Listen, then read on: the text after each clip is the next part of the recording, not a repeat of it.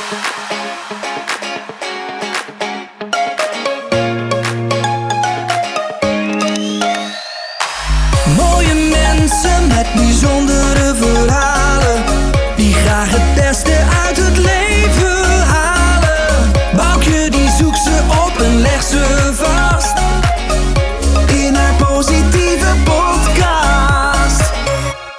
Positiviteitspodcast. Mijn naam is Boukje Jongendijk en mijn gast van vandaag is Danny van Diessen.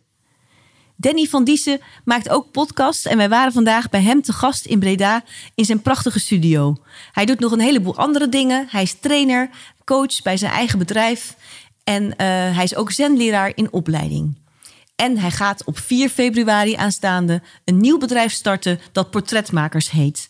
Maar zijn reis begon ooit bij zijn missie in Afghanistan. Hij neemt ons graag mee op zijn reis. Het is een prachtig verhaal over vallen en opstaan. Over hoe dat is geweest ook in Afghanistan met zo'n missie mee te gaan.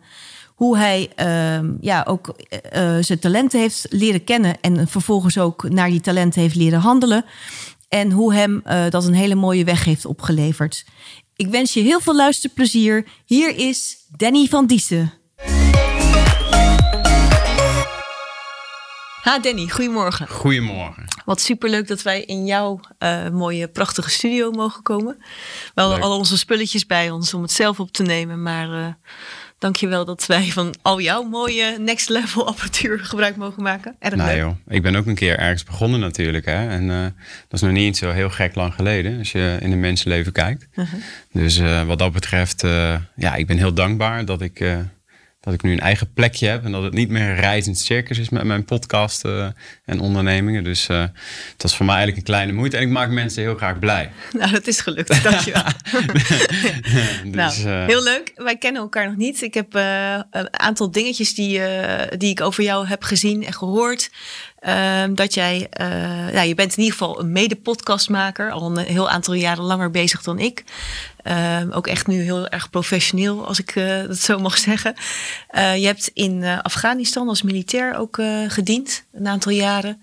Je hebt een eigen eh, coachings- en, en trainingenbedrijf, Ja. Gulliver, als ik het goed eh, zeg. yes, Gulliver trainingen. Ja, klopt. Ja, je bent nog eh, met een zenopleiding bijna afgerond. Ja, klopt. nou, heel erg divers. Het gaat ook van hele verschillende onderwerpen.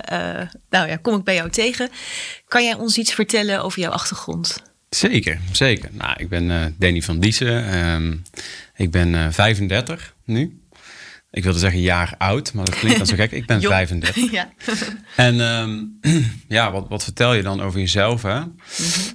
Toch wel geleerd in de jaren om het dan kort te houden, want ik kan nogal lang van stof zijn. Ik filosofeer graag. Ehm, ja, 35, getrouwd met Christa. We zijn eh, lekker met z'n tweetjes. We hebben geen kinderen. Dat vinden we heel fijn. Dat we heel graag andere mensen helpen. Christa werkt in het onderwijs en ik ben graag bezig met eh, verhalen ophalen. Eh, raken en geraakt worden. Dat zei Albert Sonneveld ooit bij mij in de podcast en dat resoneerde zo bij mij. Dat ik dacht, dat past heel erg bij mij, maar dat past bij Danny 2.0. En ehm, eh, inderdaad, Danny 1.0 was ehm, iemand die zich toch wel, als we het dan hebben over talent, conformeerde aan zijn omgeving. Toen ik nog wat jonger was. ja, mag ik jou vragen? Want waar begint 2.0 in jouw leeftijd ongeveer? 2.0 begint, denk ik, op mijn 8, 28ste of zo. Zoiets. 7, 28 Oké. ongeveer. En ja, daarvoor inderdaad altijd militair geweest. Dus ik ehm, heb vroeger de, de LTS gedaan. Ik weet nog wel dat ik een, eh, een HAVO-advies had. Maar in die tijd lag mijn vader, die lag op sterven. En, ehm, eh, ja, en de familie waren allemaal eigenlijk ambachtslieden. Maar toen Ehm, was je dus nog echt in je, in toen was je ik heel jong. jeugd. Ja, toen was ik ehm eh 10, 11 jaar oud. Jeetje, En, Mina. Heftig zeg. ja. zeker, zeker. Het is een heftige tijd en die draag je met de, voor de rest van je leven natuurlijk met je mee. Ehm, eh, ehm, en nou, toen was ik dus een jaar of 10, 11, eh 12, eh 13. En op een gegeven moment dan ga je keuzes maken voor de toekomst. Hè? Want we moeten heel jong keuzes maken wat we eigenlijk ons hele leven gaan doen. Dat is natuurlijk best Heel bijzonder. lastig, ja. Ook. Eh, en gelukkig is dat toch wel een beetje aan het veranderen. Ehm, en eh, ja, goh, ik had dus de keuze heb ik gemaakt om toen naar de LTS te gaan, omdat eh, mijn vader ziek was. eh, en eh, ondanks dat HAVO-advies zei mijn moeder van ga maar gewoon lekker vertrouwd naar de LTS, want daar zitten jouw neven ook op. En dat heb ik toen gedaan. En ja, dan kom je dus in een ander spoor terecht, veelal. Ja, want eigenlijk zeg je, bedoel je daarmee van, eh, nou dat was wel gewoon, mijn omgeving zei, joh, ga maar lekker daar, dat is comfortabel. En, en jou maakt het op dat moment niet zoveel uit. Je vond het wel oké, zeg ik dat goed? Of, of was het was dus niet een hele bewuste keuze op dat moment? Ja, die laatste. Het was eigenlijk niet zo'n hele bewuste keuze. Want je, je, je, je- in, mijn, in mijn belevingswereld, ehm, eh, en haak daar straks vooral op aan, gaat het, als het gaat om talent en eh, weten wie je zelf bent, want daar begint het vaak mee. Eh, volgens mij een van de grootste ehm, eh, boeddhistische vragen is: wie ben ik eigenlijk? Hele moeilijke Ehm, vraag. Ja. En, en dat, ben je de rest van je leven. En in sommige eh, boeddhistische, je daar meerdere levens mee bezig. Maar dan ben je heel erg totaal niet bezig met wie je zelf bent. Want je bent heel jong, eh, je verliest je vader. Ja. En ik ben toen maar naar de LTS gegaan, want mijn omgeving, iedereen deed dat.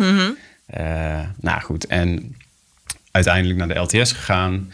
Ehm, eh, en toen merkte ik toch wel een tijdje in de horeca gewerkt. En plaatjes gedraaid, nog in discotheken. Als een hele jonge jongen al. ja, Dus leuk. toen kwam, was ik al met microfoons en ik speelde een instrument. Mijn vader was ook... eh, Wat speelde je? Piano en, en zingen. Niet echt heel goed, maar... Af en toe misschien doe ik aan het- eind van de podcast Ja. wat zingen. nou, nee. maar weet je, ja, dus de muzikaliteit en met microfoons bezig Ja. en kabeltjes en alles aan elkaar knopen. Dat eh, een beetje radio gemaakt, zelfs nog toen ik heel Oh, jong leuk. was. Ja? En ehm, dat vond ik allemaal heel leuk, dus ik was wel heel creatief. Ehm, maar toen leerde mijn moeder iemand kennen die eh, militair was ook. Dus dat was een half jaar, een jaar nadat mijn vader overleden was. Mhm. Ehm, had zij dus een nieuwe vriend, die woonde in Goes.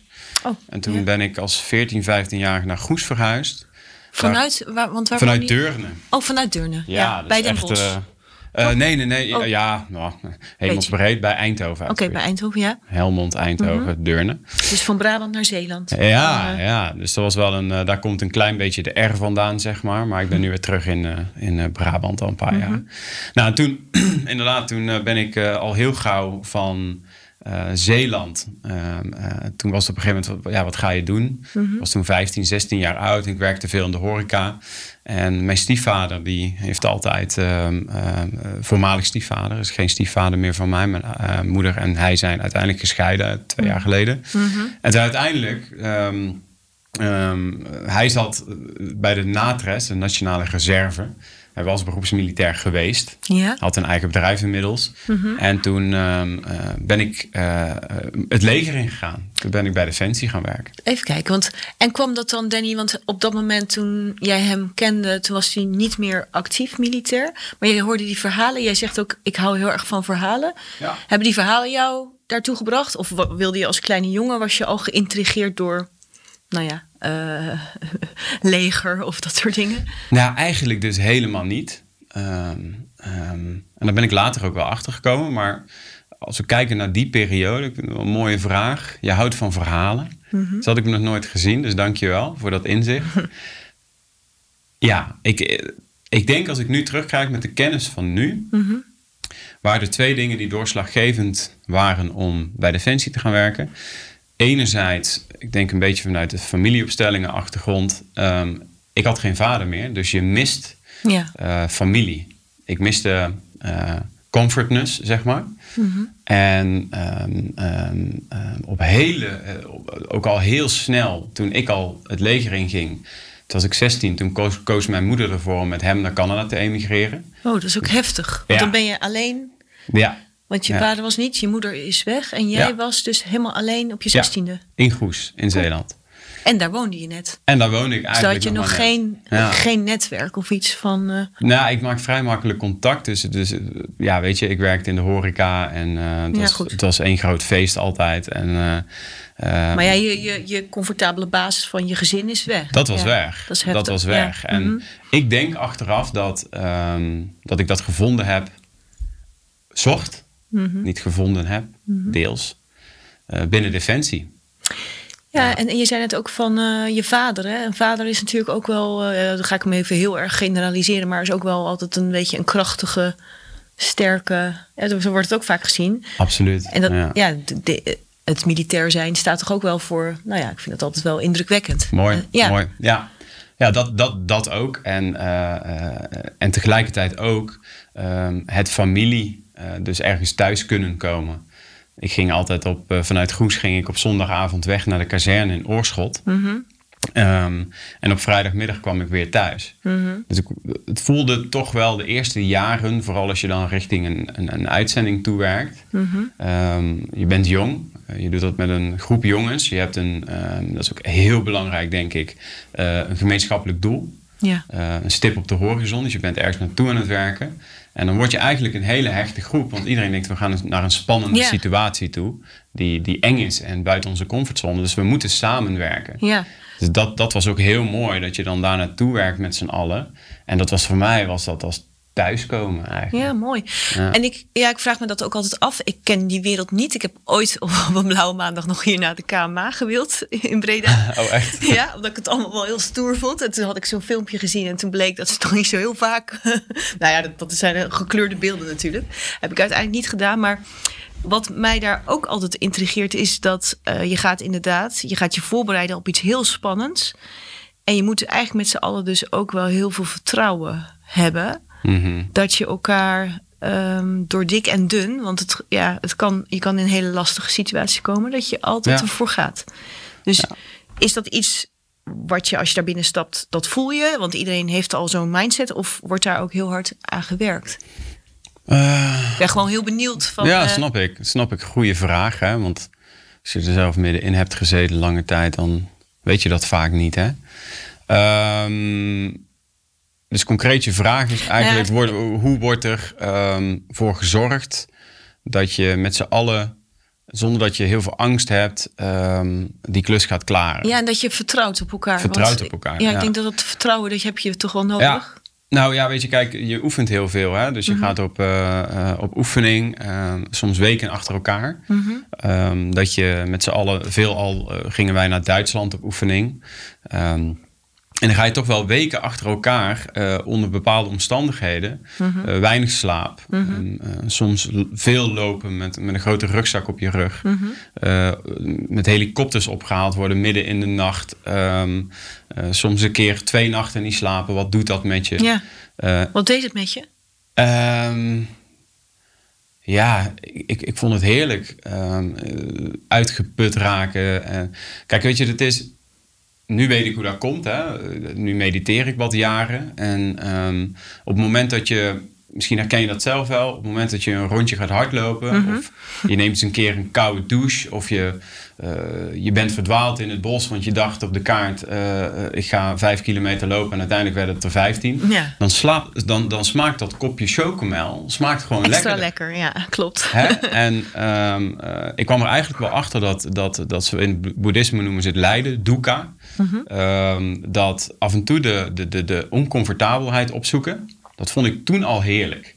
Ehm, want dan genoot ik echt enorm van het weekend. En dat is biochemisch natuurlijk, met endorfines en zo is dat nog beter te verklaren.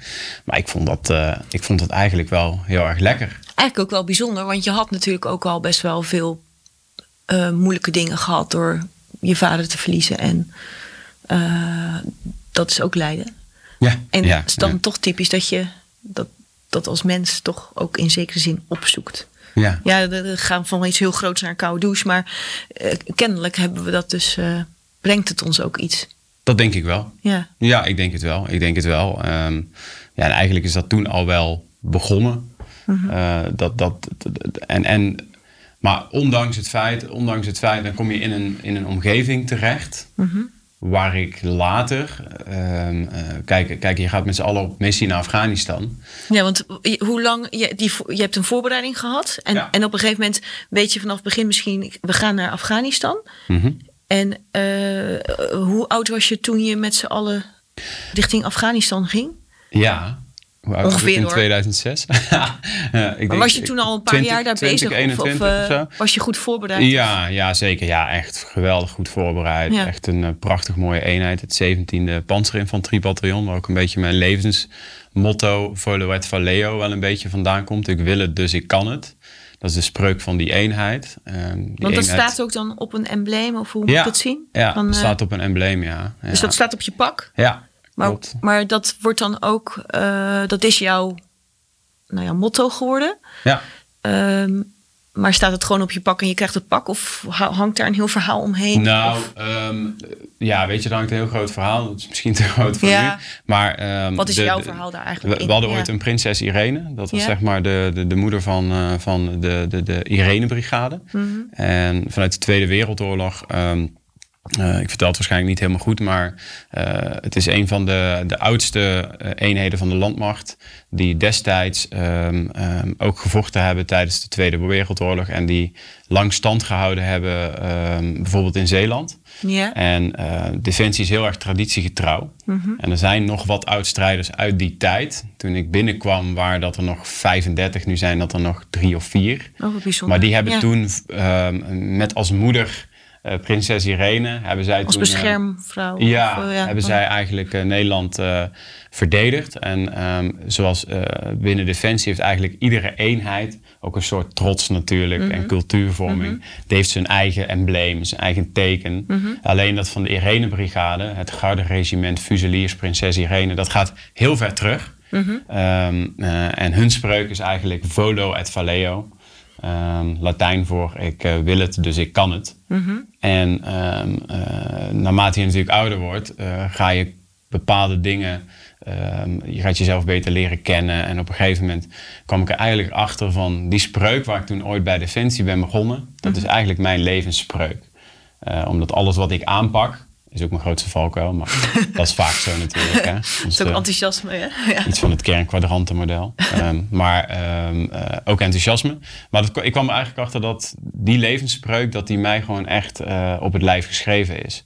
Ehm, eh, en dat heb ik eigenlijk daar leren kennen. Ondanks dat het niet mijn plek was. Waar ik later achter kwam dat het leger, dat defensie... eigenlijk, ehm, als je terug gaat kijken naar wie ik echt in de kern ben... eh, past het eigenlijk helemaal niet bij mij. Maar ik heb het wel nodig gehad om te leren wie ik ben. Dus ik ben er wel weer heel dankbaar voor.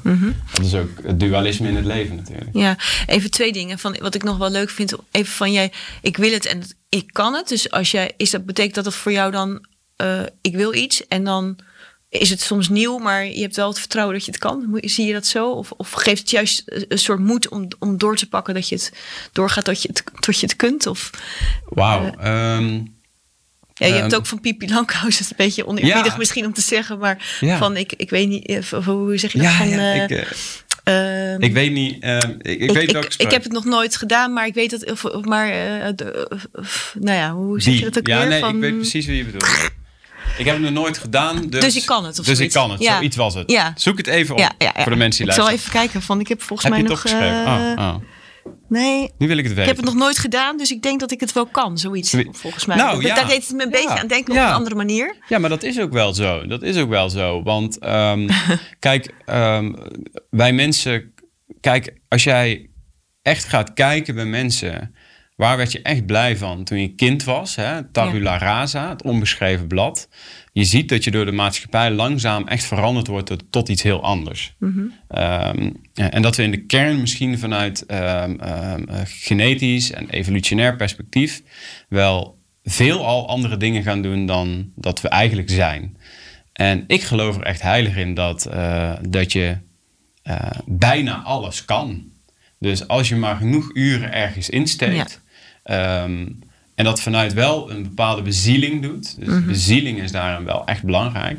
Dan geloof ik echt dat je gewoon bijna alles kan bereiken. Ik bedoel, ik begon ooit als Ja, lasser op de LTS. En uiteindelijk ben ik op de universiteit terechtgekomen. Ik heb nooit een onderofficiersrang bekleed binnen Defensie. Eh, ik heb nooit ehm, een MBO gedaan. Ik ben van de LTS met een 21-plus toets. Nou, ja, een paar jaar bij de brandweer gezeten. Dus ik kon lekker in de ploegendienst studeren. Uiteindelijk heb ik mijn HBO eh, afgesloten. En uiteindelijk eh, mijn pre-master op de universiteit nog gehaald. En toen dacht ik, nou, dat systeem, ik vind het wel even goed. Maar ehm, ik geloof echt als je maar gewoon echt heel graag wil. Als je echt wil, dan kan je het. En, en dat- ja. je moet er wel plezier in hebben. Ja. Dat is wel echt super belangrijk. Ja, ja maar Ehm, het is dus ook echt iets, dat zie je ook in jouw, nou ja, jouw levenspad. Je hebt bepaalde dingen gedaan dat mensen je dat aanreikten. En dat was op dat moment gewoon goed, hè? Ja. Maar je hebt uiteindelijk eh, ontdekt wat bij jou een, ja, iets, iets losmaakt waar je heel blij van wordt. Zeker, zeker. Dus ik denk dat het er zeker bij hoort. Nou zei jij net nog van... ehm, ik heb heel veel geleerd bij Defensie. En je hebt er ook best lang gezeten. Maar ik ben erachter gekomen dat het niet helemaal bij me paste. En dan Ja. ben ik even benieuwd, wat, wat past er niet? Ja, Of, of wat Mooie is er daarna gebeurd eigenlijk? Of, of Ja, hoe, eh, goed, heel Want goed, je hebt in Af-. Afghanistan gezeten. Eh, dus dat lijkt mij, eh, ja, lijkt mij heel heftig. En, je, Mhm. en je was goed voorbereid. Je, je was er, nou ja, helemaal met, met je hele, met Ja. alle mede-militairen ga je daarheen op een gegeven moment. ja, ja. En was meteen duidelijk dat heb je daar nog lang gezeten of hoe? eh? Nou ja, um, goede vraag. Ehm, eh, we hebben uiteindelijk hebben we iets langer daar gezeten. vanwege een overstroming. We hebben daar geloof ik vijf maanden of eh, vijf maanden en een week of zo gezeten. En zat je ergens in een hoofdstad of bij een hoofdstad? Wij zat zaten je heel erg. op het kleinste kampje wat Nederland destijds had. Mhm. Dat was Derawood. Ehm, dat was een- we zaten daar met 600 man, dat is heel weinig. Mhm. Want er zaten een paar duizend man in Kamp Holland op Tarin Koud. Dat was toen het meeste in het nieuws. En wij waren eigenlijk een beetje een ehm, vooruitgeschoven post. En wat wij deden, ik was toen infanterist, ehm, soldaat. Mhm. En wat wij eigenlijk deden was ehm, eh, het gebied. Wat je doet als militair veelal is laten zien dat er een macht is die het land veilig probeert te houden. Ehm, eh, wij probeerden ervoor te zorgen dat het volk weer eh, scholen kon bouwen, bouwen onder andere. Ehm, ehm, een veilige eh, haven te creëren voor zowel vrouwen, want die eh, betekenen daar eh, minder. Eh, en kinderen. Ehm, en eh, ervoor zorgen dat de Taliban toch eh, zichzelf een beetje gedijst hield. En dat was op een vooruitgeschoven post, uh, Derawood. En dan zit je in een peloton. Wij zijn dan met 38 man. Eh, waren met 38 man. En ehm, dan ga je dus patrouilles lopen. Je gaat laten zien dat je aanwezig bent. Eh, in principe wordt daar helemaal niet geschoten. Dat is helemaal niet de bedoeling. Eh, en laat je je aanwezigheid zien en zorg je gewoon dat de lokale bevolking of de genie van Defensie, de bouwvakkers van Defensie, daar weer voorzieningen, kri- kritische voorzieningen kunnen bouwen om weer een leven te kunnen leiden voor die mensen. Ehm, ja, en eh, eh, ons, ons leven op dat moment bestond uit hele dagen patrouilles rijden.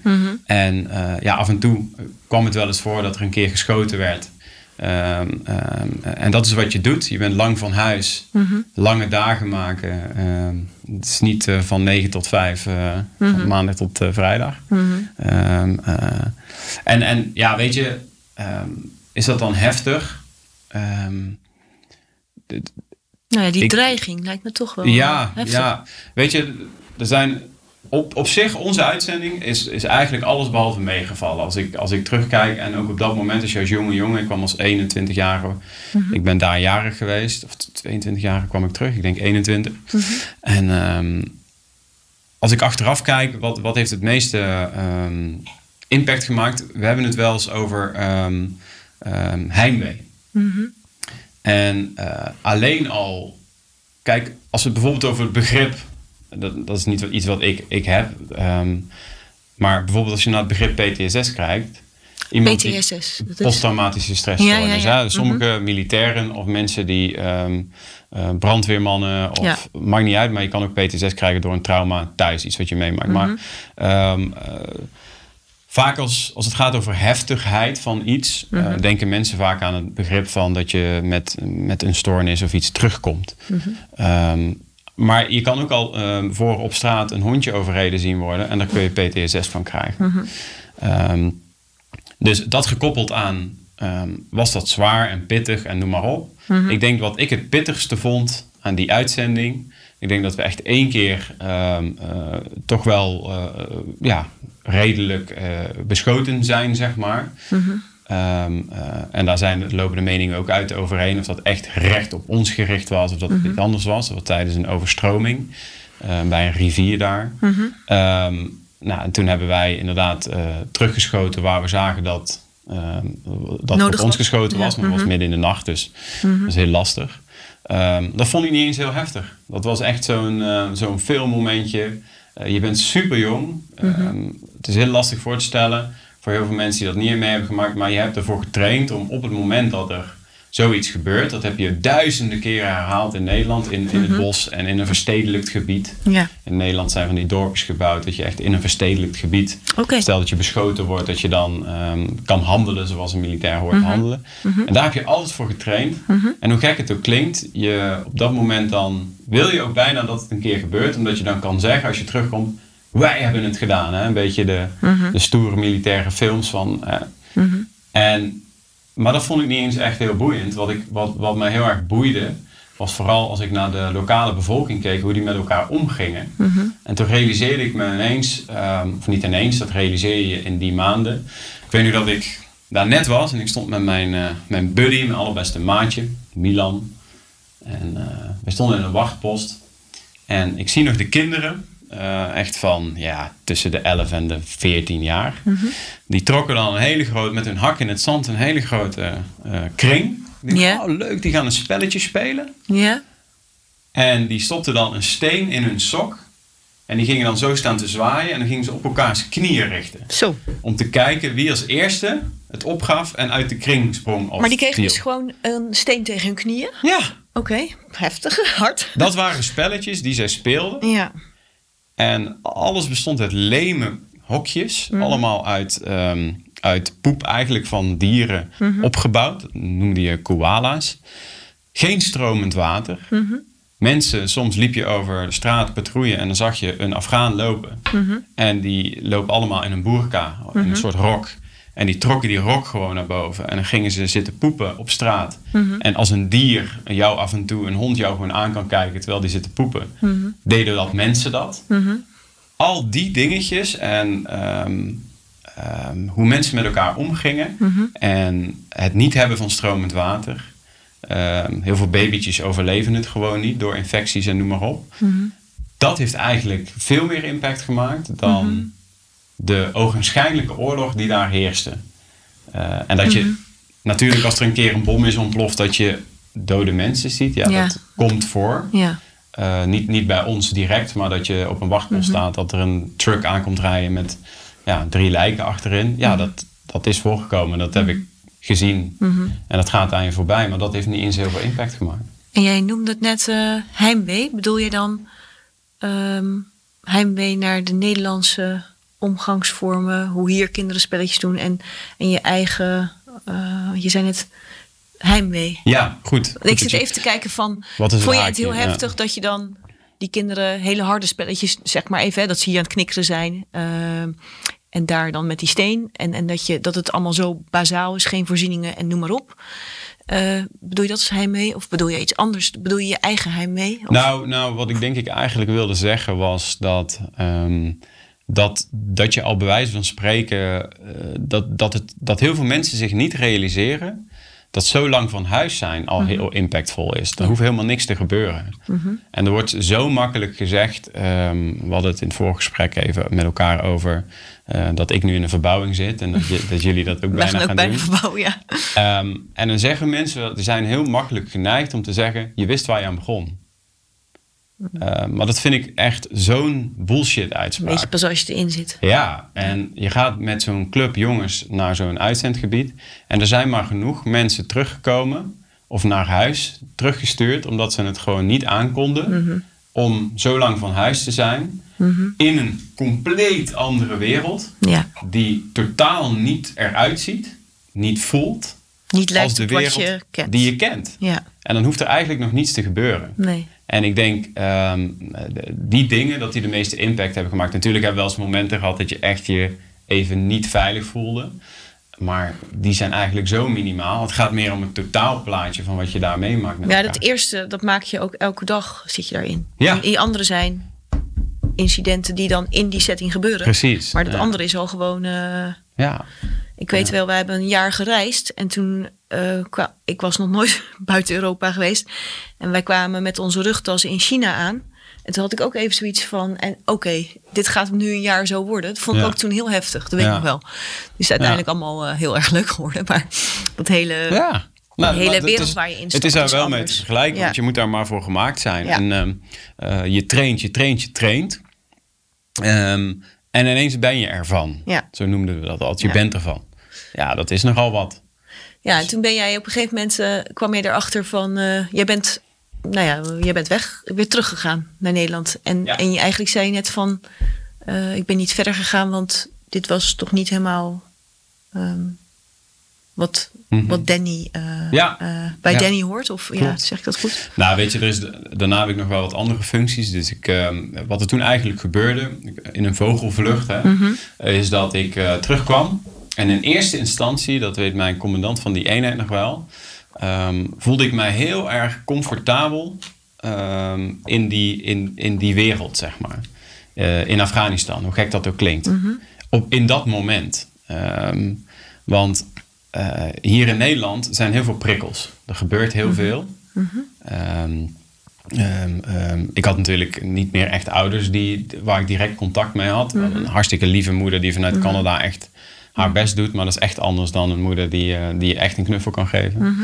Ehm, en ik vond het eigenlijk wel heel fijn met die jongens. Want je wist precies waar je aan toe was. Ja, je had ook kameraadschap. Echt dat alles. kameraadschap. En dat was daar nog groter dan in Nederland. Want dan gaat iedereen uit elkaar in het weekend. En je ziet elkaar niet meer. En je wordt toch steeds ouder. Dus eh, heel veel jongens ook door de week die gingen s'avonds naar huis. En, eh, eh, dus in eerste instantie wilde ik nog wel zo'n missie naar Afghanistan draaien. Ik vond het wel spannend.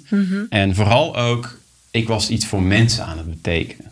En dat vond ik zo mooi. Ja, omdat je daar dus eigenlijk, doordat jullie aan het patrouilleren waren, mensen iets konden opbouwen. Dat er een Ja. veiligheid ontstond. Ja. En Ja. Ja. En alleen al als je over straat loopt en dat, dat, dat je ziet dat de omgeving om jou heen, eh, dat er meer psychologische veiligheid is. Dat mensen zich meer op hun gemak voelen omdat jij daar bent.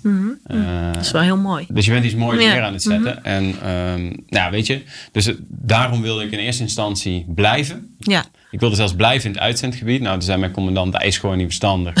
want eh, leuk dat die Amerikanen, want die blijven vaak echt meer dan een jaar. Die zijn twee weken thuis, gaan weer terug. Eh, dat is niet gezond. Dus mijn commandant zei, ja, Danny, dat gaan we dus even niet doen. Achteraf ben ik daar eigenlijk wel blij om. Ja, je mooi. zit- je ja, zit mooi in dat een hij dat soort- zo zag. Ja. ja, ben ik hem wel dankbaar. eh, Lenny wel dankbaar voor. Ehm, eh, en uiteindelijk terug in Nederland gekomen. En dan val je eigenlijk wel in een gat. Want dan, je bent gewend om hele dagen met een scherfvest van, van, van 7, 8 kilo om te lopen. En eh, als je op patrouille ging, soms een rugzak van eh 15 of 20 kilo. En dan nog een wapen van eh 5 kilo voor je borst.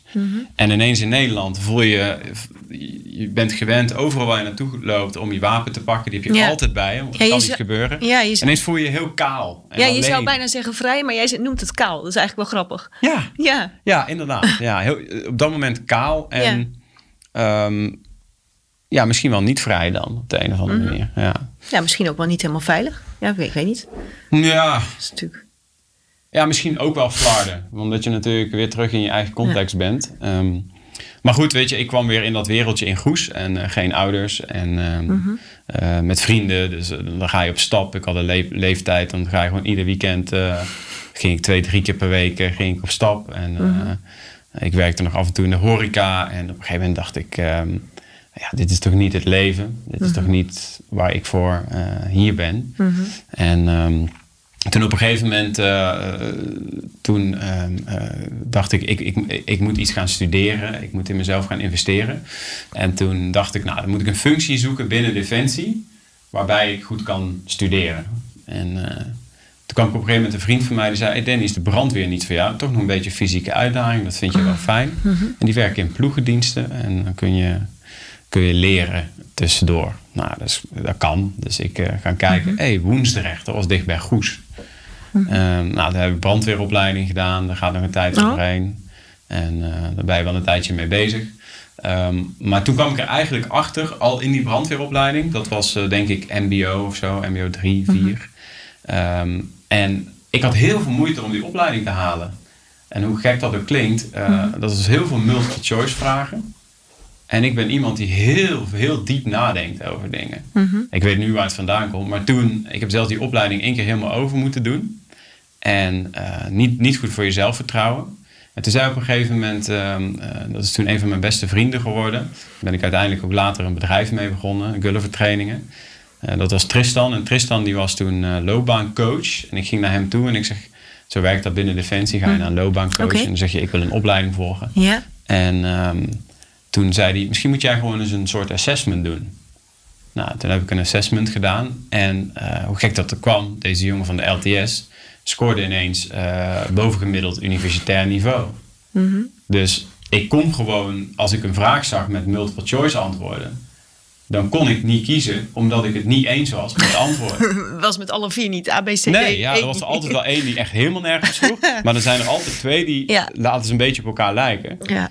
En ja, soms haalde ik het gewoon niet. En vooral niet in de tijd. Terwijl die andere jongens allemaal... Ja. Hoe kan dat nou? nou lang verhaal kort. Uiteindelijk eh, brandweer gedaan. Daar heb ik een paar jaar gewerkt als eh, luchthavenbrandweerman op eh, vliegbasis Woensrecht. Eh, in die tussentijd een 21-plus toets gedaan. Naar Avans Hogeschool gegaan. Toen ben ik gaan studeren. En ehm, dat was rond de 2011 dat ik startte volgens mij met, met mijn HBO. Ehm, Welke studie ben je gaan doen? ik ben toen ehm, ben ik ehm, eh, management, economie en recht gaan doen. En dat was puur omdat ik toen nog de ambitie had om officier te worden bij Defensie. Ehm, uiteindelijk ben ik dat niet gaan doen.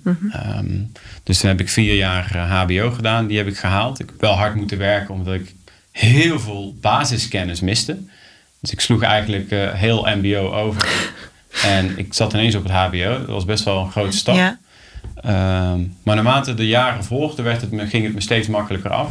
En was dit ook? Ik wil het, dus ik kan het? Ja, zeker. Ja, ik heb daar echt eh, eh, ziekelijk veel uren gemaakt om dat eh, af te ronden. En eh, ja, weet je, er is- ik heb wel eens moeten herkansen, maar het meeste is gewoon een 9 geworden voor alles wat ik gehaald heb.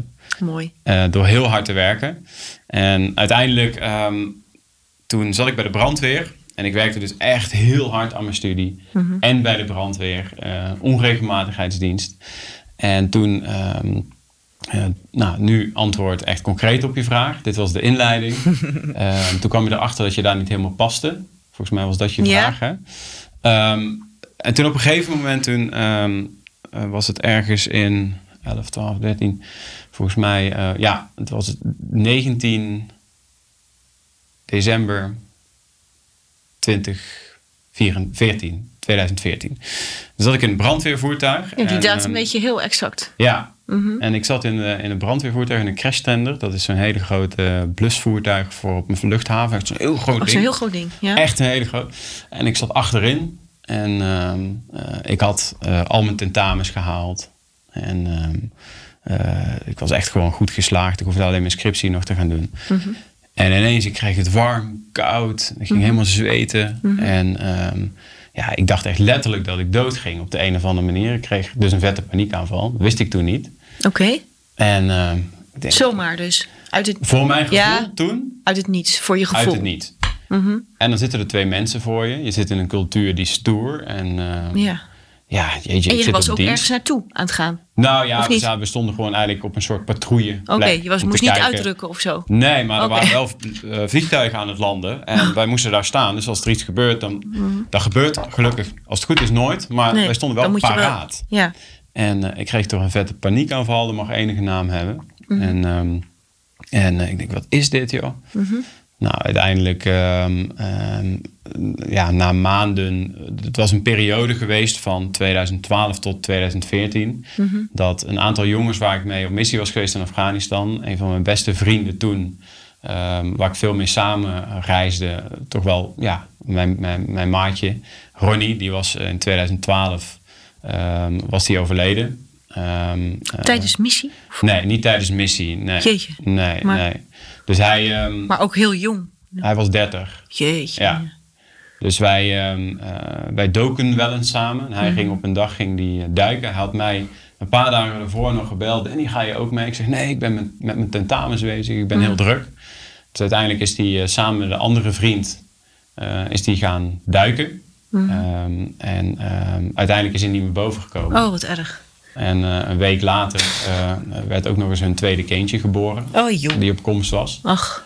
Dus ehm, ondanks het feit eh, dat wij echt niet de deur bij elkaar plat liepen, hij was wel altijd degene. Want je merkt in een periode als jij, ik was, zo noem je dat, manschap bij Defensie. Hè? Je bent soldaat of corporaal, ik was inmiddels corporaal geworden. En ehm, eh, je merkt dan toch wel in de loop der tijd dat als jij dan als een van de weinigen een HBO-studie gaat doen, dan verandert jouw omgeving, je bereikt jezelf. En dan wordt die afstand tussen die jongens ook steeds groter. En ik merkte toch wel dat Ronnie, ondanks dat ehm, hij was inmiddels commando geworden, dat was ook wel het schijnen aan het verhaal dat hij ja, de hoogste elite militair die we ongeveer, de meest fitte militair had, net in Roosendaal die opleiding afgerond. Als 30-jarige is dat uniek. Dat je dat, dat, je dat kan. ja.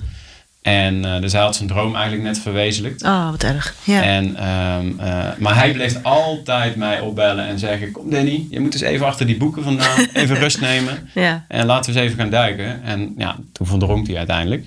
Jongen, jongen, heftig joh. Ja, ja. En kort daarna ook nog ehm, een jonge Erik-Jan Peels, waar wij dus mee in Afghanistan waren. Die kreeg tijdens onze missie in Afghanistan, werd er een hersentumor bij hem geconstateerd.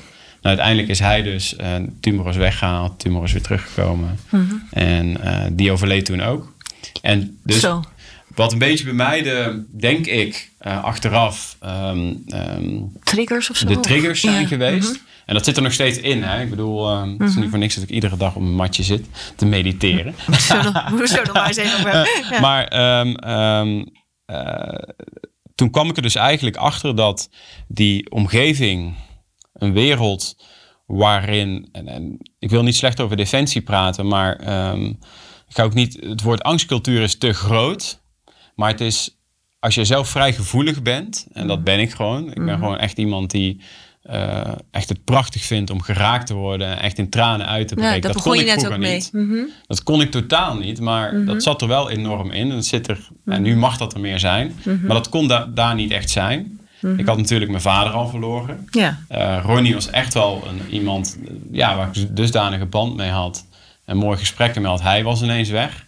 Daarna nog eh Erik-Jan Peels. Die, ehm, ehm, ja, weet je, een jongen waar ik mee echt met een clubje van zes...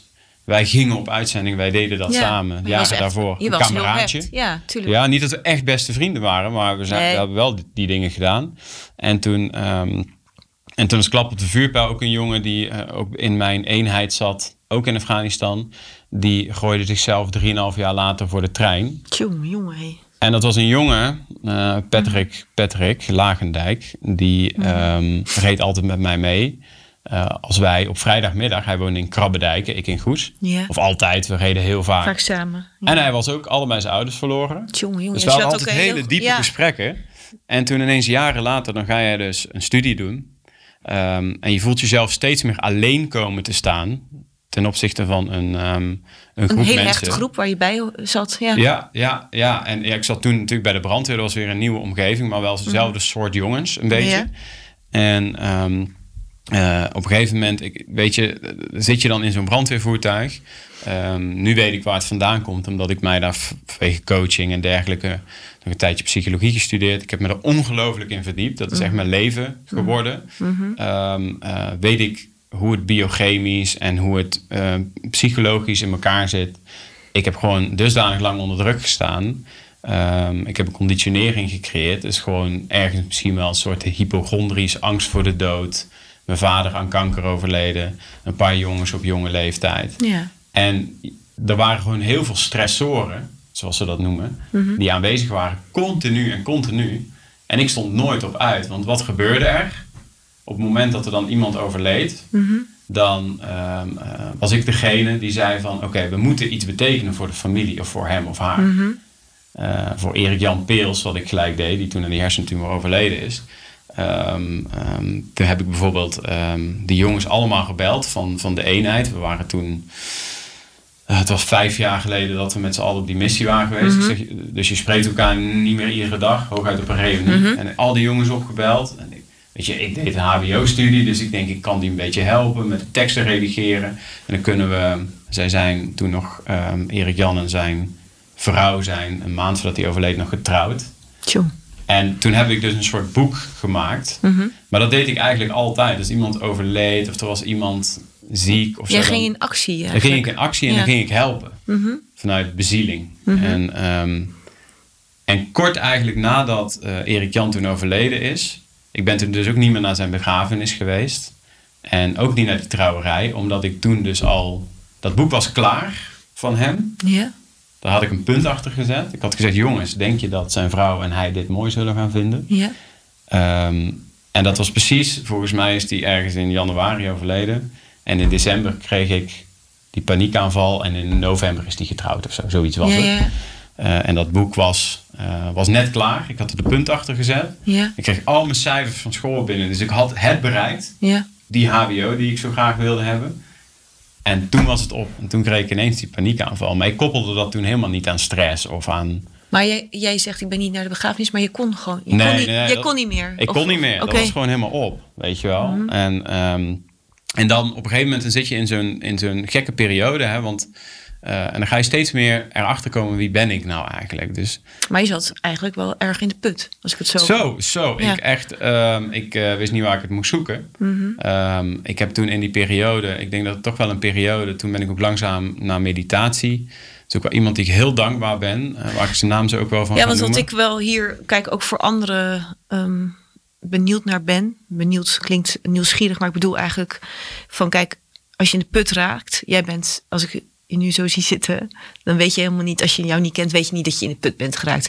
Ja. Wat, jij zat in de put, maar wat heeft jou geholpen? Was, was jij, want jij noemt nu meditatie, maar was dat di- direct? Of, of eh, Nee, nee, zeker niet. Nee, nee absoluut niet. Ehm, ik zat nog steeds in die, in die militaire wereld, nog heel erg zoekende. Wat, wat wil ik nou dadelijk als ik klaar ben met de opleiding, noem maar op. En ik wist al langere tijd, dit is niet mijn omgeving. Dat voelde, voel je gewoon. Dit is niet de plek. Ik, ik had vaak heel veel creatieve ideeën. En eh, ik hielp vaak heel veel mensen met dingen. Dat zijn de mensen die hier wellicht eh, naar luisteren ook wel beargumenteren. Dus ik was altijd anderen aan het helpen. Dus ik wist al, ja, dit is misschien wel niet mijn omgeving. Misschien moet ik in, meer in een beroep gaan zitten. Waar ik eh, mensen kan, kan helpen met problemen. Of dat dat ooit verhalen ophalen zou worden. Dat had ik natuurlijk niet verwacht. Maar ja, op dat moment inderdaad, wat je zegt. ehm, je krijgt zo'n paniekaanval. En dan op een gegeven moment kom je thuis. En ik zeg tegen mijn, eh, mijn vrouw Christa.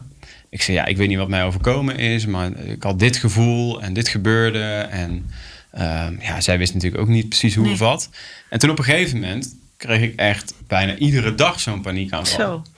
Eh, want mijn eh, zenuwstelsel was dusdanig overbelast door alles wat ik meegemaakt had. En eh, dat begon natuurlijk al bij mijn vader.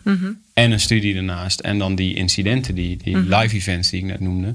Dus ik had zo mega lang onder chronische stress gestaan. Dat, ehm, Maar het zelf eigenlijk ook niet in de gaten te- gehad. totaal niet. Nee. het was echt Danny on steroids. Ik stond altijd aan en eh, ik dronk heel veel koffie. Dus, ehm, nou, en toen weet ik nog heel Vandaar goed... dat je het misschien nu niet meer drinkt? Of Ik drink, dat- ik, ik, eh, nou sterker nog, sterker ik weet niet of je geen koffie drinkt, maar Ik, ik kan daar niet meer tegen. oké. Dus eh, Associeert misschien met toen. yes, Ja. meteen. Ja, Ja. echt. En ehm, als ik op vakantie ben en ik sta totaal niet onder stress en ik, eh, ik mediteer lekker veel en soms meerdere keren op een dag, eh, Mhm. vijf, zes keer op een dag, dan eh, drink ik zo een kan koffie leeg en er is er niks aan de hand. Maar als ik gewoon dagdagelijks druk ben, druk ben dan is die conditionering. Ja, en- dan is er een soort linkje met... ja, ja. ja.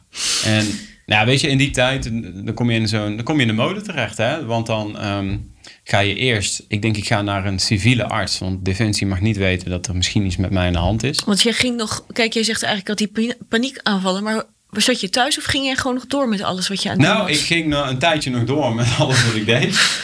En eh, als ik zo'n paniekaanval, zo- die gevoelens weer een beetje opkwamen, dan trok ik mezelf terug. Dan eh, ging ik al mijn ogen dicht doen. En ik had een appje gedownload toen al met de meditatieoefeningen. Want hoe kwam je daarbij? Ja, er zit een heel klein stapje tussen. En dat is wel een man die ik heel dankbaar ben. Dus op een gegeven moment, de eerste stap is ik ga naar de dokter. Misschien heb ik wel een vitamine tekort of zo. Ja, zou Want kunnen. ik zag ook vlekken voor mijn ogen. Ja, en, ja. ehm, dus op een gegeven moment ging ik naar een dokter. En een dokter in de buurt. En eh, die zei van, weet je, ik ken een hele goede eh, fysiotherapeut. En die is psychosomatisch fys- fysiotherapeut. Vergeet zijn naam nooit meer, Marco Smekens. En die man, ik moet het misschien nog eens vertellen, maar die ben ik echt heel, heel dankbaar. Want hij heeft wel een zaadje geplant. Nou, misschien hoort hij dit. Ja, Ja, ik hoop het. Ehm, en hij, ehm, hij eh, zei tegen mij, Danny, ik doe aan autogene training. Even kijken hoor, autogene training. Ja, het is Auto- eigenlijk ehm, een soort hypnose.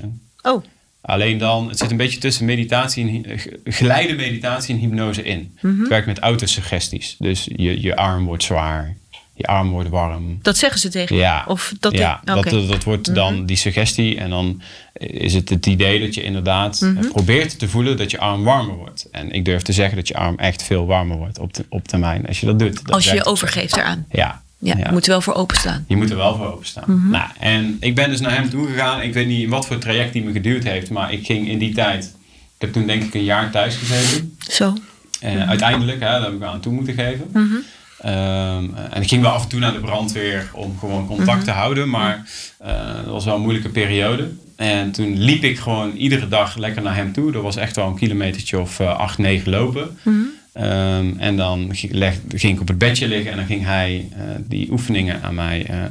en toen, toen, hij was ook echt heel erg filosofisch en wel echt een match. Dus op een gegeven moment werd het ook eigenlijk meer een vriendschap. Mhm. Dat is ook het moment dat we na een bepaalde periode hebben gezegd, we stoppen ermee. Ehm, en hij heeft toen een boek aan mij gegeven van Viktor Frankl, Man's Search for Meaning. Eh, nou, ik- Wel eens van gehoord. Ik heb het niet gelezen. Maar... Oké, nou, die man heeft in een concentratiekamp gezeten. Oh ja. En Oh. ehm, ja, weet je, ehm, in dusdanige en barlijke omstandigheden, hij maakte heel veel mee daar. Ja. En ehm, eh, wat eigenlijk de essentie van het boek is, dat, ehm, ehm, dat je, ondanks dat, dat, dat, dat je omgeving zo ontzettend eh, vreselijk is, Mhm. dat wat jij ermee doet, hoe jij invulling geeft aan, aan, aan, aan jouw omgeving en al die dingen die je meemaakt, dat, dat jij dat echt doet. Hoe erg het ook is. Ja, je- dus is dat een beetje hoe erg je externe wereld is? Jij kan intern Ja. eh, bepalen wat je Yes, ermee doet. En, wat dat. en of je het... Ja. Ja, dus een van de mooiste voorbeelden die ik vind is dat ehm, hij deed heel veel aan visualisatie, eh Ja. Viktor Frankl. Ja.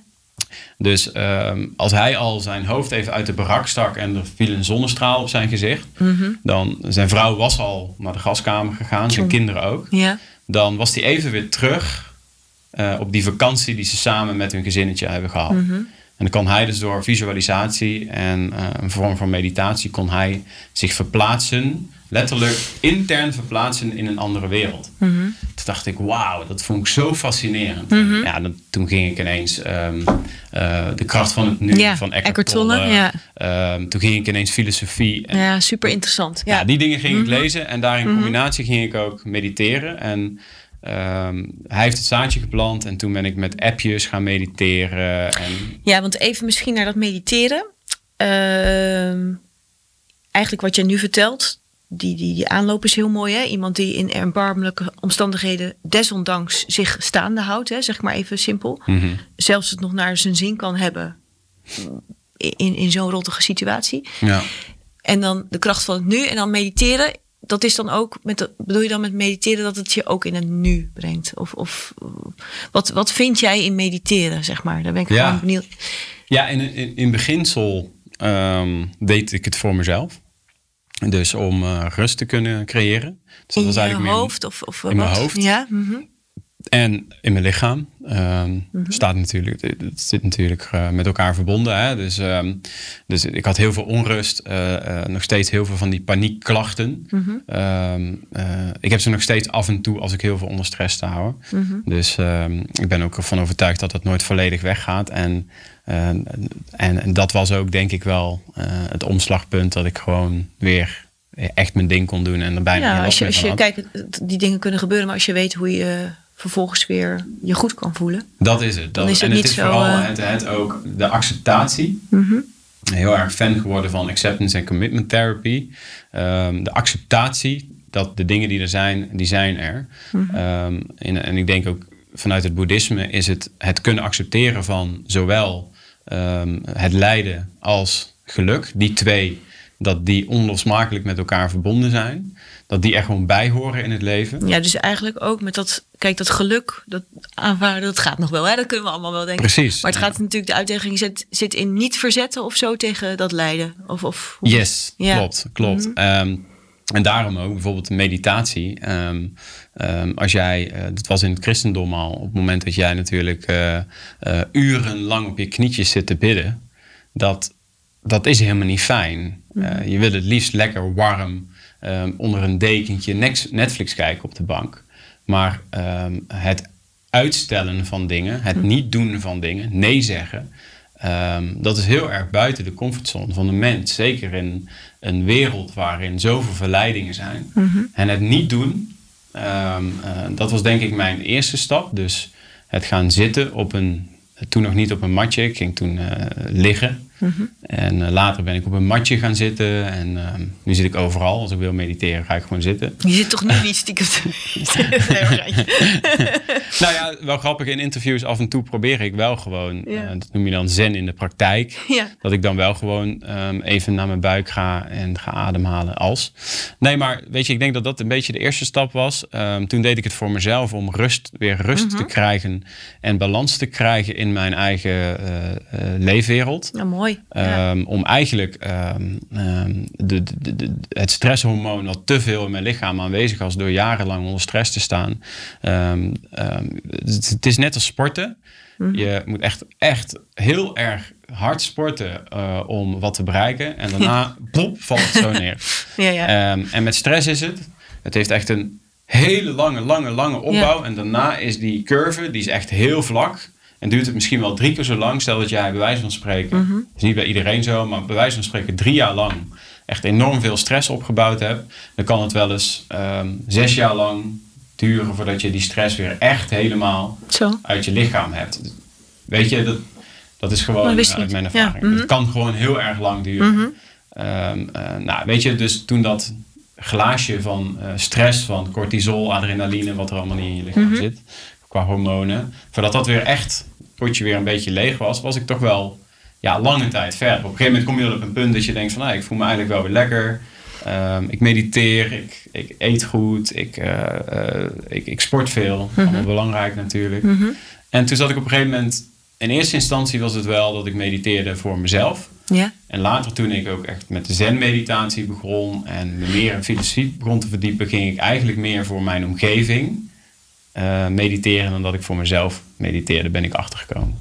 En wat bedoel je daarmee? Voor je omgeving mediteren? Bedoel je dan voor je vrouw?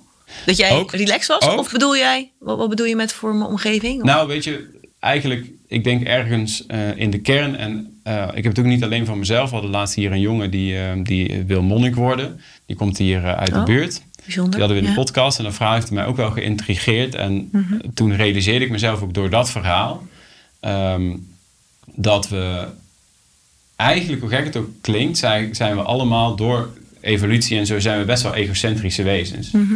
Ehm, en we willen natuurlijk een bepaalde comfortness. Mhm. Ehm, maar alles, wij zijn ook weer groepsdieren. Dus Mhm. eh, alles gaat natuurlijk. eh, de een heeft meer mensen om zich heen nodig dan de ander. Hè, laat dat duidelijk zijn. Maar in principe hebben we allemaal warmte en rapport, connectie nodig.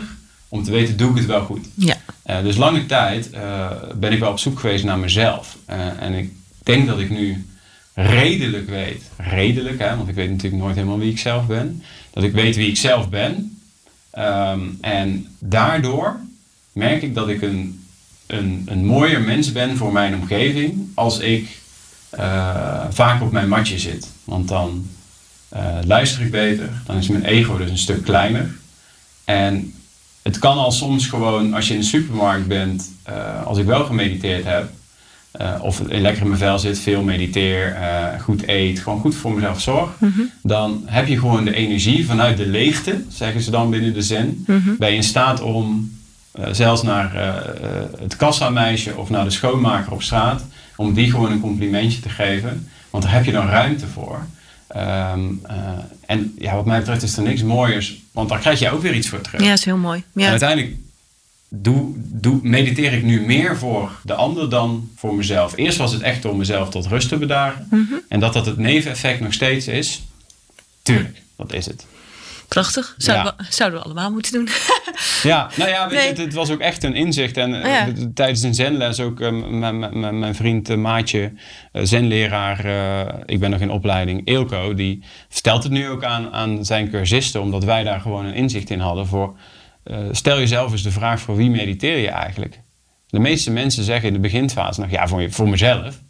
uiteindelijk ehm, jouw hele omgeving, uh, Deepak Chopra Ja. zegt het ook. Je hè, profiteert ervan. Geef, geef, dan krijg je heel veel terug uit het universum, Ja. uit de wereld. Laten we het niet te groot maken, weet je. Nee. Maar ja, Mooi. dat. Volgens mij kunnen we nog heel lang ook over dit mooie onderwerp van eh, zen-meditatie.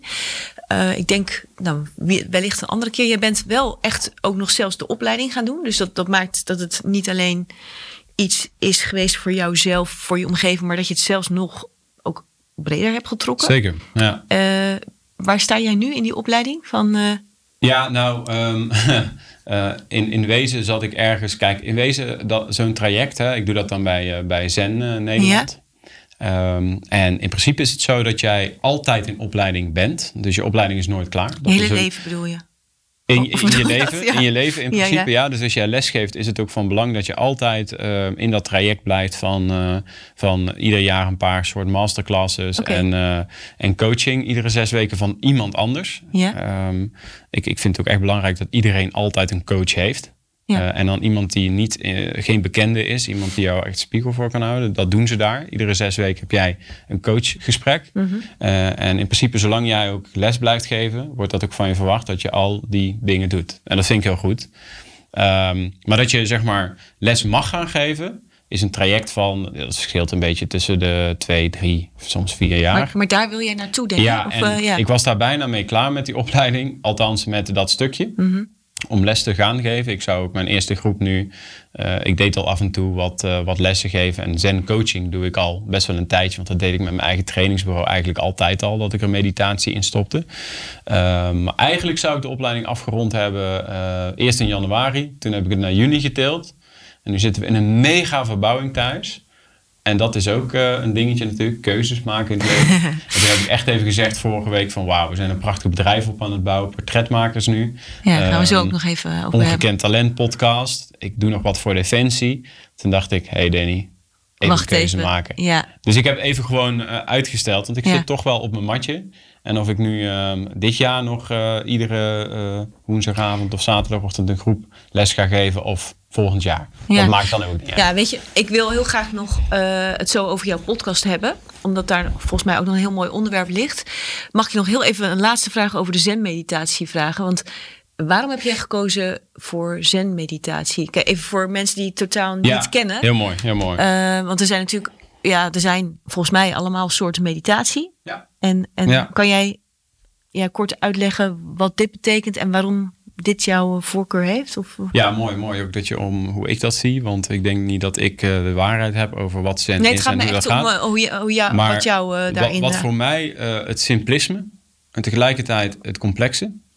Want het is eigenlijk heel simpel. Ehm, zen is gewoon op een matje gaan zitten en je ademhaling tellen. ja? Ehm, ehm, en omdat mijn brein eh, vrij creatief is en heel veel tegelijk wil. en grootste plannen heeft altijd en niet opgeeft. Is dat simpele van zen is wel heel erg belangrijk voor mij. Als een soort, Heel moeilijk. Ja. Daarom is het zo complex. Eh, maar, maar er zit ook heel veel diepgang in. Ehm, en ik ben van mening, sinds ik daar eh, wat jaren flink mee bezig ben geweest, is dat. eh, tuurlijk gaat de wetenschap door, maar, maar eigenlijk alles wat al 2500 jaar en langer geleden daar eh, bedacht is, alles wat ik gelezen heb, nog even wat psychologie gestudeerd, alle boeken die ik gelezen heb, ook over hedendaagse management dingetjes, alles zit daarin. Alles komt, wat mij betreft, binnen het Zen-boeddhisme, komt eigenlijk gewoon alles wat ooit geschreven is samen. En toch gaan we nog elke keer het wiel opnieuw uitvinden. Nou, mooi. En ik kan daar echt soms, en denk ik, nou ja, leuk dat je dat bedenkt in dat modelletje met communicatie. Maar jongens, het is al lang bedacht. Ja. Weet je wel? Eh, Leuk, leuk omdat je dat dan ook op een gegeven moment gaat doorzien. Ja. En dat ja. het eigenlijk ook wel weer... eh, heb je zoveel boeken, zoveel dingen... maar dat het dan eigenlijk op iets simpels is. Ja. Dat is ja. wel mooi. Ja, dus dat. Leuk. Dan wil ik heel graag nog. ehm, eh, jij bent op een gegeven moment. Jij, je vertelt heel goed van. eh, nou, dit is mijn weg geweest. En eh, ik kwam steeds meer van. bij het antwoord op de vraag: wie ben ik? En dat is denk ik een vraag die. tot je hele leven een rol speelt. In elke fase. Misschien ben je net. heb je een ander accent. Of, heb Ja, je, ja. of ga je nog iets ontdekken. Of weet je het nog niet. Ehm, je bent nu podcastmaker. En Ja. je hebt de ongekend talent podcast. Yes. Vanuit mijn ehm, positiviteitspodcast vind ik het heel mooi dat ehm, eh, talent, dat is eigenlijk ook wat jij net in je verhaal al vertelt. Je kan talent eh, kennen, hè? Dat, dat is al heel wat. Hè? Want je, nou ja, als je klein bent, misschien heb je dat meteen in de gaten. Maar vaak, de meeste mensen hebben er wat langer voor nodig om te weten wat, waar de talenten liggen. Het is ook vraag, vaak een moeilijke vraag. Hè? Wat is jouw talent? Dan moet je eigenlijk je bescheidenheid ook even laten varen. En zeggen waar je, waar je blij van wordt, waar je, waar je goed in bent. En dan je talent gebruiken. Dat is uh, dan helemaal uh, nog wat. Um, ik heb ergens gelezen, en dat is ook maar uit een boek, maar dat positieve psychologie, uh, die zegt daarvan ook van als je dat je talent erkent en je gebruikt het, dan is dat ook een van de dingen wat heel erg je welzijn, uh, je, dus hoe, ja, hoe je je voelt en je geluksniveau ontzettend vergroot. Um, ja, hoe, zit dat, ja, hoe ben jij tot deze mooi, dit mooie onderwerp voor je pod, podcast dan gekomen? Ja, ja um, la, la, laat ik beginnen bij het begrip talent. Ja. Want, je, want je ging er zelf ook al even op in. Um, um, talent is iets wat je niet weet van jezelf. Nee, even nog voor de luisteraar die jou niet kent. Jouw podcast heet Ongekend Talent. Yes, hè? Ja. mooi. mooi. Ja. Ongekend Talent podcast inderdaad. Dan begin ik even heel kort bij het begrip talent. Mm -hmm. um, ik heb het ook maar van Richard de Hoop geleerd uit, uh, uit uh, mijn podcast. Richard zei eens tegen mij, Danny, weet je wel wat een talent is? Ik zei, nee. Nou, blijkbaar is een talent ja. is een geldstuk uit de oudheid. Uit de Griekse, oh. volgens mij, tijd. Romeinse tijd. En dat was een geldstuk. Oh, en aan een geldstuk kennen we mm -hmm. waarde toe. -hmm. um, dus als jij een talent hebt, kennen. Kijk, andere mensen kennen waarde toe aan geld. Daarom hebben we een systeem, een economie. Mm -hmm. um, zo werkt dat ook met uh, een, een, talent. Een talent weet jij niet van jezelf. Uh, dus voor jou is het niet bijzonder dat jij geweldig een muurtje kan metselen. Of de stoep heel mooi kan vegen. Uh, of misschien wel heel erg communicatief vaardig bent en het fijn vindt om met iemand gesprekken te voeren. Hè, zoals, zoals jij jouw talent uh, hebt in podcasten en mijn talent. Dankjewel. Um, um, en we weten het vaak niet van onszelf. En dat is, dat is ook het lastige eraan. Mhm. Mm -hmm. Omdat jij het maar heel normaal vindt. Mm -hmm. um, vaak als je dan als mensen niet hun talenten volgen en je gaat mensen dan de vraag stellen van wat vind je eigenlijk leuk en toen je jong was en toen je een babytje was en je groeide op, waar, ja. waar ging je echt van op aan? Wanneer krijg je, krijg je echt die, die, die, dat kippenvel en Mhm. het warm gevoel in je buik? Mm -hmm. En dan zeggen mensen toen ik dit deed. Ja. Oké, okay. en waarom dan? Ja, omdat je ook van mensen die zagen dat jij dat goed deed, kreeg je schouderklopjes. En hoe vaker jij schouderklopjes krijgt van dat je iets goed doet, mm -hmm. hoe meer jij manoeuvreert door het leven natuurlijk. Nou, ik kwam er dus eigenlijk achter dat ik, uh, je kan natuurlijk ook van mensen vanuit projectie schouderklopjes krijgen. Mensen die hebben hun eigen uh, uh, um, leven, ja. die hebben dingen meegemaakt, Mhm. ook weer van hun ouders. En die zien jou iets doen uh, wat ze zelf heel leuk vinden. Ja. zien een kind dat goed doen en die krijgt schouderklopjes. Ja. En die buigt misschien wel langzaam een beetje af naar iets wat niet meer bij, helemaal bij hem of haar past. En waar komt dan Ongekend Talent podcast vandaan? Eigenlijk heeft het meerdere betekenissen. Mhm. Het is ene, enerzijds zo van wauw, ongekend talent. Ja, weet groots. Je wel? Groots, Ja, ja, hè? ja, ja. Van wauw, iemand die echt zo op het podium staat en eh, Mhm. weet je wel, echt een rockster of een eh, Tony Robbins. Nou, weet je, wauw, wat doet die man, hè? Dat is ongekend. Ja. Maar ook, soms weten mensen het, Niet wetend. niet wetend. Ja, Hè? Mooi. En gekend. Dus we kennen gekende, ongekende Ja. en van wauw, eigenlijk die drie. Hè? Ja. En, En ook nog onbekend voor andere mensen. ja, ook Ja, die. toch? Ja. Van, eh, ja. ja, en die vind ik eigenlijk het allerleukste om te interviewen. Ja, nee, ik ja, ik, bedoel eigenlijk van... eh, ze weten het of ze weten het niet. Maar een heleboel andere mensen weten dat verhaal niet. Eh, Ja. de- ja, ja, ik weet niet, zeker, de- zeker. want jij zegt Zeker. ook van... En dat is ook eigenlijk wat ik probeer. Je probeert verhalen te vangen, of hoe je het wil zeggen. Omdat je het zelf heel leuk vindt. Dat, Ja. dat, dat is, dat, we doen het graag. Ja. Maar ook omdat je andere mensen iets wil brengen. Ja, zeker. En dat die eh, ongekende talenten, dat mensen nog soms die ongekende talenten niet kennen. Ja. En daar iets van zichzelf misschien in herkennen of er iets mee kunnen. Zeker. Toch? Van, eh, dat zijn de mensen Mhm. waar ik het eigenlijk voor doe. Dus de, waar ongekend talent, dat vind ik de leukste doelgroep. Om mensen achter de microfoon te krijgen. Ja. Die van zichzelf misschien zelfs niet inzien dat ze echt een geweldig talent zijn. Ja, dat is superleuk. En daarmee mega veel mensen inspireren. ja. Eh, want je ziet natuurlijk sinds podcasting eh, is natuurlijk nu enorm groot. Mhm. Maar toen ik daar mee begon, toen, waren er, toen had je Thijs Lindhout en je had eindbazen. Mhm. En misschien nog een paar. En wij Mhm. zijn toen begonnen. Toen met z'n tweeën nog. Ehm, en het is gewoon heel simpel. Ik kijk gewoon terug naar mijn eigen leven. Ehm, als het gaat om talent, de context is alles bepalend. Dus ik had het net een stukje over opvoeding, dat is Mhm. context. Dus wil jouw talent tot uiting komen, Mhm. dan is, een, is, is stap 1 eigenlijk is een veilige omgeving. Psychologische veiligheid noemen we dat. Ehm, dat is stap 1.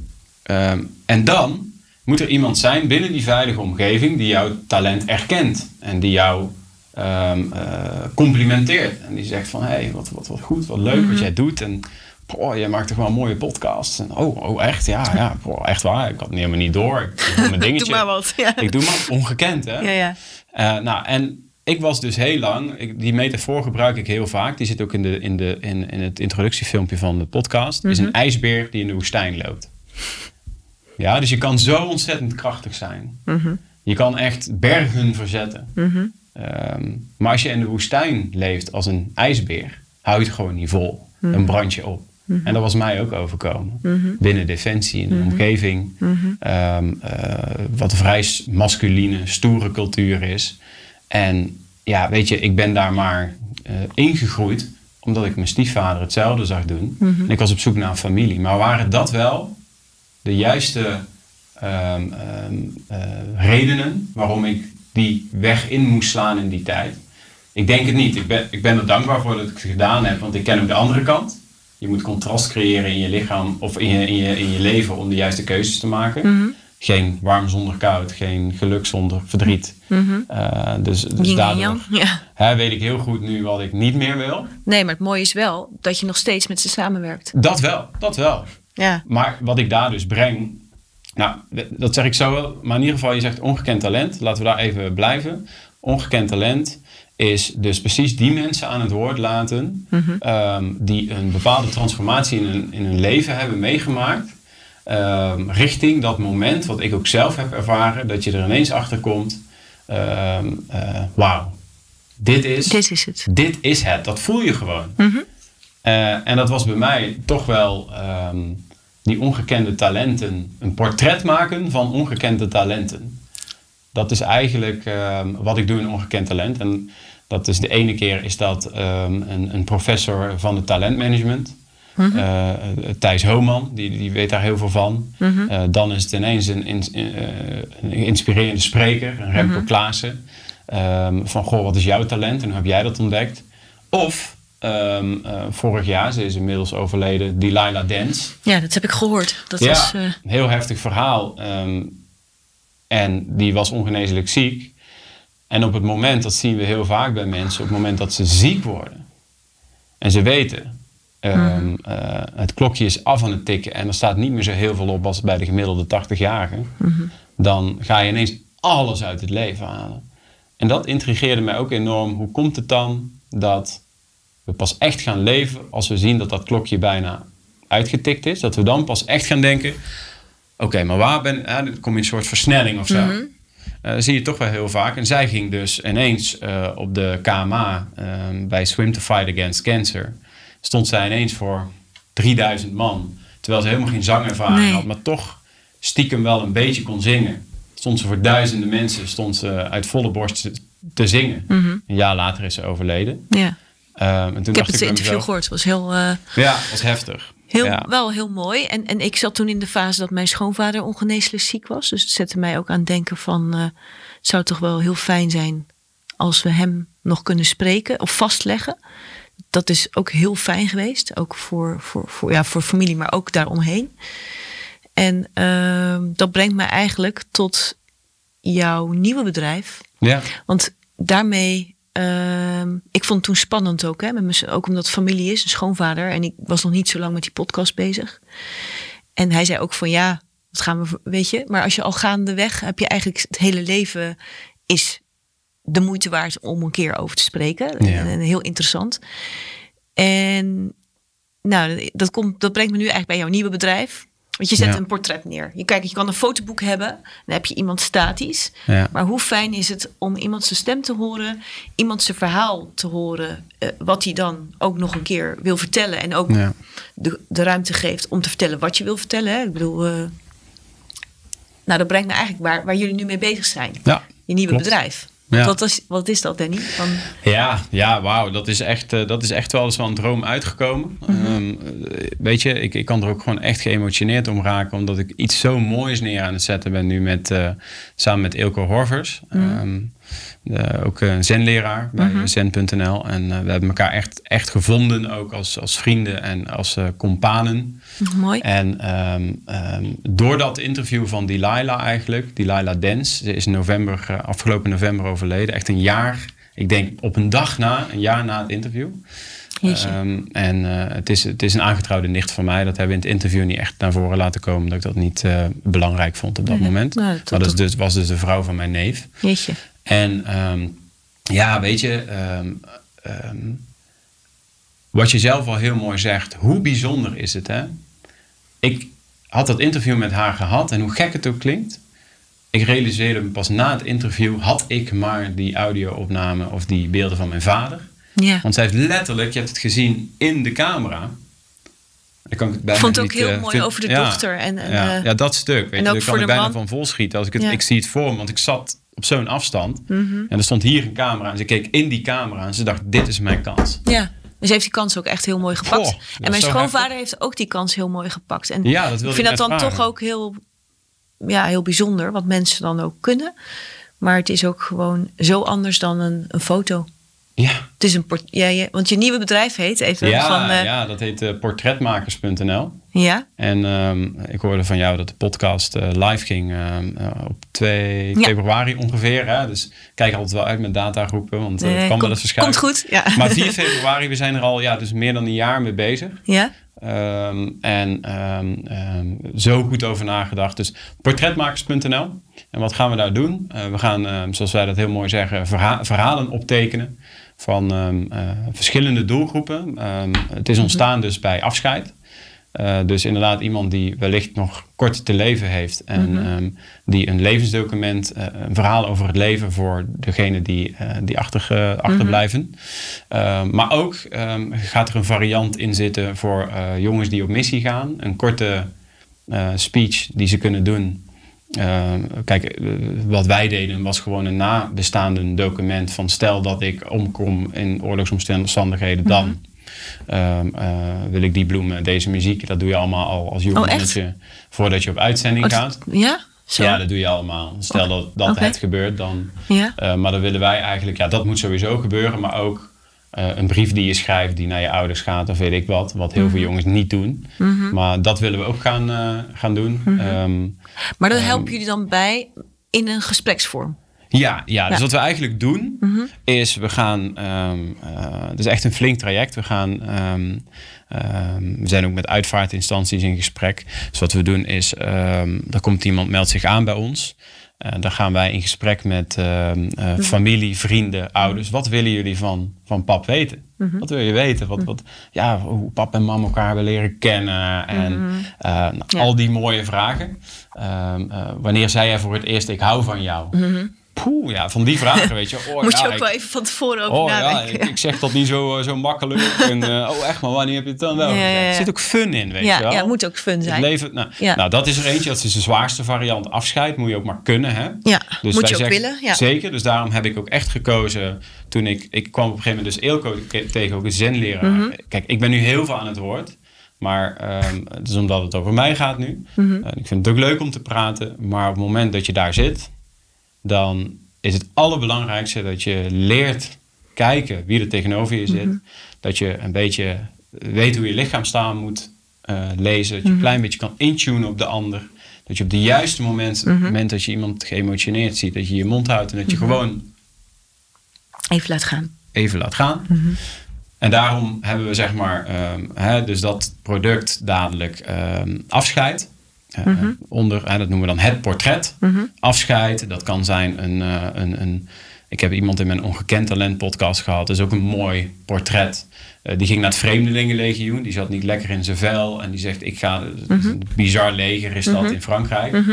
En ehm, dat is het bijzondere verhaal. Ook, ja, dat wil je vastleggen. Want eh, of iemand, een veteraan die, eh, in, die nog in de Tweede Wereldoorlog, die daar nog over kan vertellen. Ja. Dan zie je toch wel heel vaak dat ze in de familie, dat diegene niet zo heel vaak daarover vertelt.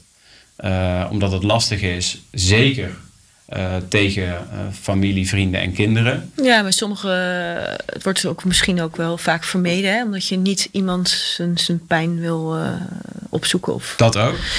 Ja, Even kijken, voor mijn idee hè, van portretmakers. Het gaat om eh, portretten van mensen waar, die verwachten dat hun. We weten het natuurlijk nooit. Hè? Eh, Als ik morgen als ik opsta, dan weet ik ook niet. eh, nee, precies. Ja. Maar dat het mensen die dus bijna weten dat hun einde nabij is, of, of ziek zijn of wat dan ook. Voor Defensie speciale eh, groep van, voor, voor de mensen die Ja, daar behoefte ja. aan hebben. Dat is de wens, hè? Of dat, Is het ook bijvoorbeeld, eh, zijn jullie er ook voor mensen die gewoon zeggen, nou eh, joh, ik ben nu eh 32 en ik wil gewoon eens eventjes wat vastleggen. Want ik wil gewoon eens even. Je weet natuurlijk nooit hoe je leven loopt. Hè? Zeker, zeker. Nou, ben je daar ook voor? ja. Of, of is het meer van. Ja, nou in principe, ehm, ik denk niet heel snel dat die mensen zich aanmelden. Maar ehm, er zijn zeker, kijk, er zijn echt wel mensen. We hadden natuurlijk eh, laatst een jongen die dus eh, monnik wilde worden. Ja, Ehm, die is 27 jaar. En Ja. die, ja, dat is nogal wat. Hè? Dus Ja. geen romantische relaties, geen, geen seks, geen Mhm. alcohol. Dat is heel bijzonder als je 27 bent. ja, ja, en kijk, als de familie zegt: wij willen het verhaal vastleggen van ja, onze zoon, want die, heeft, die doet zoiets bijzonders. ja. Dat past ook in dat Het is concept. niet per se eh, Nee. leeftijd gebonden of iets. Nee. Nee. Bij mij is het zo ontstaan dat ik mijn eigen vader verloren ben. En dan in mijn Ongekend Talent podcast die Laila heb geïnterviewd. Ja. Dat ik dacht, wauw, hoe mooi is het. Nou, ik ben ook heel blij. En het komt wel, je hebt ons wel geïnspireerd. Want Vincent kende jou, Ja. vertelde dat. Ja. En toen hebben wij ook gedacht van, zullen we? En we hebben, we hebben het gedaan. Dus daar ben ik ook heel dankbaar Nou, om. Ja. super fijn. Dus, eh, Echt eh, mooi. Heel mooi. heb jij zelf nog iets wat je kwijt wil? Ik, ik zou het wel leuk vinden als je nog even wil vertellen aan de mensen van waar ze jou kunnen vinden. Ja, Hoe dat zit met jou, jullie nieuwe eh, bedrijf met Eelco vanaf 4 februari, als ik het goed zeg. klopt. Ja. Dus brandlos. Waar Nou, je vinden? ehm, waar zijn we te vinden? Ehm, eh, vanaf 4 februari hebben we inderdaad een nieuwe website. Dat is www.portretmakers.nl. Mhm. Eh, natuurlijk ook via sociale media overal eh, te vinden. Via Facebook en LinkedIn en Instagram. Ehm, en natuurlijk gewoon, ehm, ja, zoek mij Danny van Diesen. D-E-N-N-I-E van Diesen met één S. Ehm, en eh, weet je, eh, kijk eens naar de Ongekend Talent podcast. Toch ook wel weer een hoop inspirerende mensen voorbij gekomen. Ehm, ja, dat eigenlijk. Je bent zelf ook een ongekend talent. nou, dankjewel. Hartelijk Superlief. bedankt voor dit eh, hele leuke gesprek. Thanks. Dankjewel. Dit was de podcast met Danny van Diesen. Beste luisteraar, leuk dat je weer ehm, online was om te luisteren. En beste Danny, hartelijk bedankt voor de ontvangst en ook het opnemen van deze podcast in jouw prachtige studio. Ehm, wil je meer weten over Danny van Diesen? Bezoek dan zijn website, maar kijk ook vooral eens op zijn nieuwe website portretmakers.nl. Ehm, Danny, heel veel succes gewenst. En ik denk dat jouw spreuk Volo et Valio, ik wil het en ik kan het, je weer heel veel eh, zal brengen de komende tijd. Ik hoop dat dat ook voor anderen mag gelden. En eh, waardeer je deze podcast, dan zou ik het ook heel tof vinden als je dat even kenbaar maakt door een duimpje, een berichtje of een reactie. Heb je ook nog tips voor deze podcast voor bepaalde gasten of onderwerpen die je heel graag eh, behandeld zou willen hebben? Dan eh, zou ik dat ook heel leuk vinden om van je te ne- vernemen. Tot over twee weken en hele fijne dag gewenst en tot ziens.